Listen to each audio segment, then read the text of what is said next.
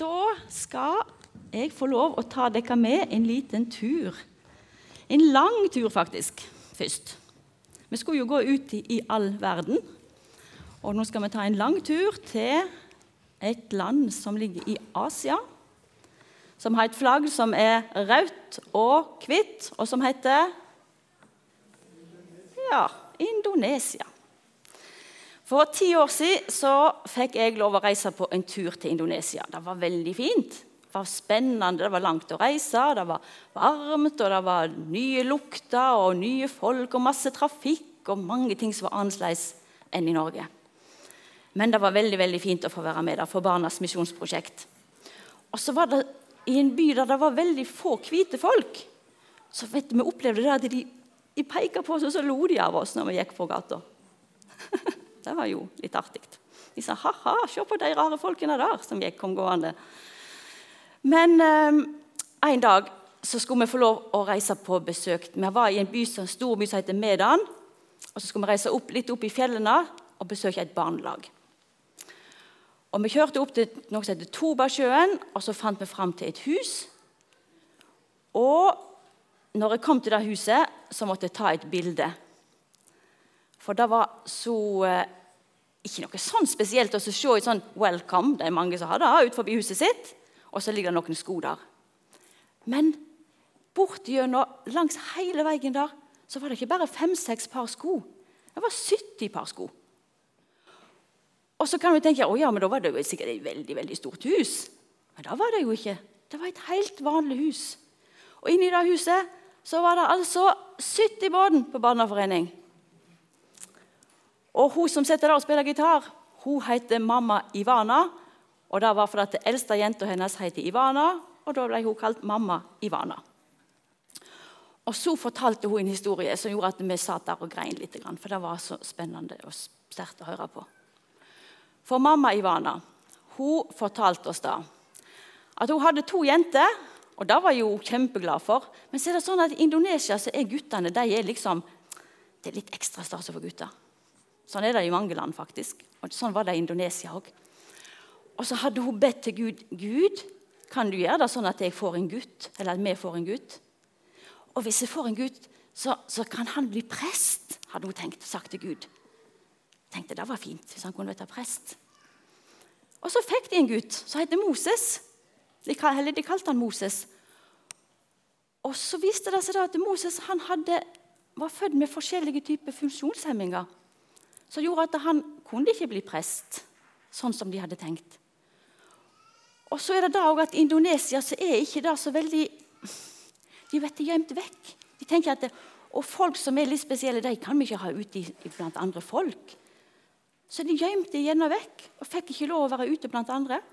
Så tenkte mamma Ivana hvordan skal Moses få høre om Jesus? da? Han kan ikke gå på skolen, han kan ikke gå på søndagsskole. Han kan ikke være der de andre er. Skal han, hvem skal fortelle han om Jesus? Så sa hun da Da tenkte jeg da at da må jeg lage den menigheten som Moses kan være en del av. Jeg må lage en menighet der han, Moses, kan få være med. Og Derfor hadde hun innbydd alle båtene i nabolaget til barneforening. Og Derfor var det 70 par sko ut forbi huset til mamma Ivana, i hennes vesle stove. Og der hadde hun kirka med Moses og de andre båtene var fantastisk å oppleve. Og så er det da at eh, For mamma Ivana så ble ikke livet sånn som hun hadde tenkt.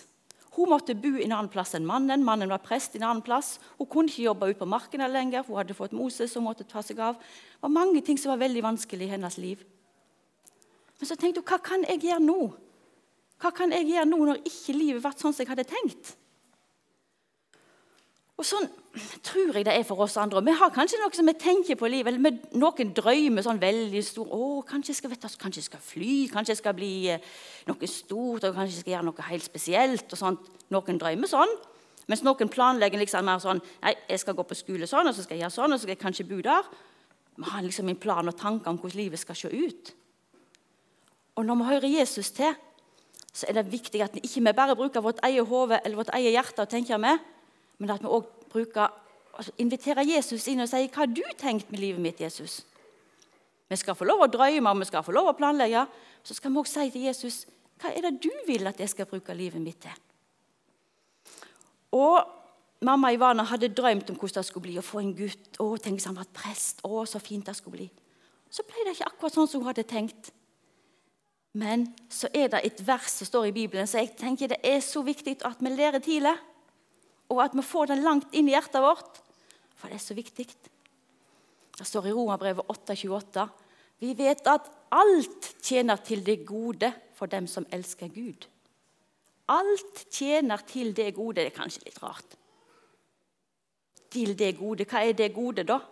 Er det liksom sånn alltid føler at vi har det kjempebra? I dag har jeg en god dag. Og i dag er det så fint, og nå går alt bra for meg, og nå mm, lykkes det. Er det det som er det gode? Nei, det er dessverre ikke sånn alltid. Det gode det er det som fører oss nærmere Jesus. Og Da kan det kjennes litt vondt. Det kan være ting som Sånn som for mamma Ivana, så var hun kanskje litt skuffa. Kanskje det var mange ting i livet hennes som ikke ble sånn som hun hadde tenkt. Men når hun ga det til Jesus, så kunne han vise henne en ny vei som tjente til det gode. For sånn er det for oss òg. Og Det er ikke bare sånn happy-clappy å være hos Jesus. Det er mange ting som kan være vondt, det er mange ting som kan være vanskelig. Men i hans hånd så vender han det til noe godt. Og når vi ser liksom i bakspeilet Nå har jeg levd ganske mange år og opplevd ganske mange ting. Når vi ser liksom bakover, så ser vi at å ja, sånn ble det. Sånn ble den turen. Det gikk jo rett vei likevel, da. Selv om jeg følte det gikk helt på feil kurs, helt feil retning. Ah, skulle det gå sånn? Men når vi ser i bakspeilet, så ser vi at det, det gikk oppover. Sånn som det flyet det skal opp. Og Sånn er det for oss. Og når vi legger livet vårt i Jesu hånd, så går det oppover. Hjemover. Og I Bibelen så står det også mange historier, og det er så fint å lese om mange som opplever det på samme måte. Jeg tenker f.eks. på Josef i Gamle testamentet. Han, det husker kanskje han. Hørt om han? Han hadde noen brødre. Storebrødre, mange storebrødre. Jeg har hatt fire storebrødre, han hadde enda flere. Tre ganger så mange. Og han blei så fikk Han sånne, han hadde drømmer, han. Han hadde sånne store, luftige drømmer som at de andre skulle bøye seg for han, og at han liksom, skulle være sjefen selv om han var lillebror. Og så ble han upopulær, for de andre brødrene hadde vært misunnelige på han. Han fikk en veldig fin sånn kappe av faren sin, og de andre syntes det var han, der, han er så bortskjemt. Han breler Gud, ville vi sagt der som jeg er ifra. Han var brelete. Han, altså. Og så ville de egentlig ta livet av han. Men så heldigvis så gjorde de ikke det. De solgte han som slave til Egypt. Og i Egypt så ble han misforstått. Han ble satt i fengsel. Han ble glemt. Han opplevde absolutt at livet ikke ble sånn som de store drømmene hans. Han hadde drømt så store ting at sånn skulle skje. Og så gikk det bare lenger og lenger og lenger ned. Så det ut til. Det var ikke greit å være Josef i mange mange år. Men så er det akkurat som hele historien snur. Og det gjør det av og til i lag med Gud. Så snur hele historien, og så er det brødrene hans som må ha hjelp. Og Så kommer de til Egypt, og så kunne jo Josef sagt da, 'Å ja, der var det, ja. Mm -hmm, vi har jo sett hverandre før, vi.' Og ja, ja, nå har jeg havna i fengsel her i Egypt. Nå er det deres tur. Altså, han kunne jo tatt igjen så det sang. Kunne, de kunne jo riktig fått smakt hvordan det var, brødrene til Josef. Men så er det da at Josef han har levd med Gud. Gud har fått plass i hjertet hans. Og da skjer det noe i det hjertet som hører til hos Gud. Og Så sier Josef noe sånn at dere tenkte å gjøre ondt mot meg. Men Gud tenkte det til det gode. Da var det gode igjen. For han ville gi liv til et stort folk, slik vi ser i dag. Så vær ikke redde, jeg skal sørge for dere og barna deres. Gud tenkte det til det gode. Det var ikke veldig godt å være Josef i mange år, men Gud tenkte det. Han hadde et større bilde og et større perspektiv til det gode. Så tenkte jeg litt på Maria. Hun hadde jo drømmer. Hun, hun var jo forlova med Josef. Hun hadde sikkert sett for seg å, det fine bryllupet. Og da vet jeg så kjekt, så skal vi bo i det huset her i Nasaret, og det skal bli fint. Og så får hun beskjed om at hun er gravid, og hun skal få en sønn. Og så tenker hun oi, oi, oi. Nå vil sikkert ikke Josef gifte seg med. Hvor skal det gå med Hvor skal jeg bo? Hvem skal jeg være sammen Det var sikkert kaos. Det var sikkert ikke så veldig lett. Plutselig ble livet snudd på hodet.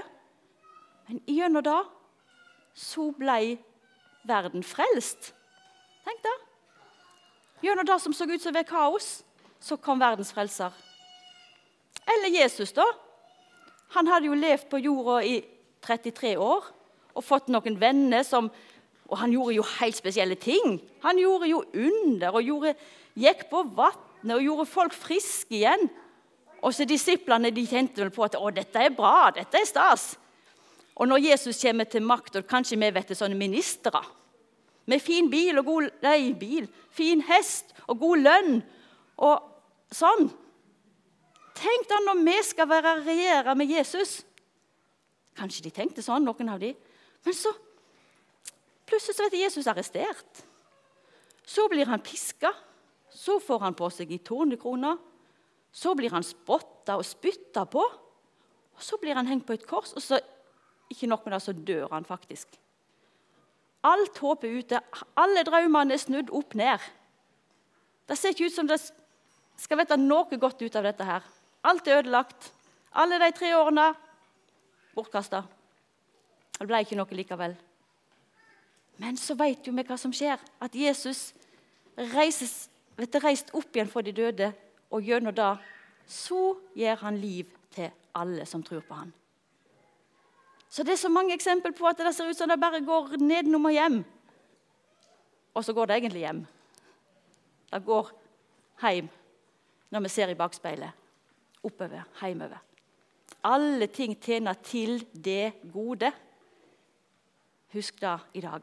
At i bakspeilet så ser vi at det tjener til det gode. Ikke at alle dager er kjempeenkle og kjempefine på alle vis. At det ikke er motbakker, men det går hjem. Det går rett vei. Sånn var det for mamma Ivana òg. Det, det var ikke den enkle veien for henne. Og Nå skrev jeg en mail til en av de som kjente henne godt i Indonesia og spurte hvordan går det egentlig med dem. Det er jo ti år siden. Så sier han det går veldig fint. Det går fint med alle sammen. Jentene har gått på skole og fått utdannelse, og Moses er hjemme, og, og det, de har det bra, skrev han. Og så vet vi jo ikke noe om alle disse 70 par sko. Alle de 70 båtene som var der. Hvordan er det med dem? Det vet vi ikke. Men jeg er sikker på at noen av dem lyser i det nabolaget der de bor. Kanskje noen av de reiser til andre land òg. Jeg er helt sikker på. Av de 70 par sko så er det mange som går for å fortelle om Jesus. Jesus, vi vil takke deg for at eh, vi er trygge hos deg. Når vi har lagt livet vårt i din hånd, så skjer det ikke tilfeldigheter med det. Takk, Jesus, at du bevarer oss. Takk for du er mektig til det. Vil du la, gjøre det sånn at du får god plass i livene våre. Sånn at når vi ser bakover, så ser vi at det gikk jammen rett vei likevel. Velsign oss hver enkelt, Jesus, for ditt navns skyld. Amen.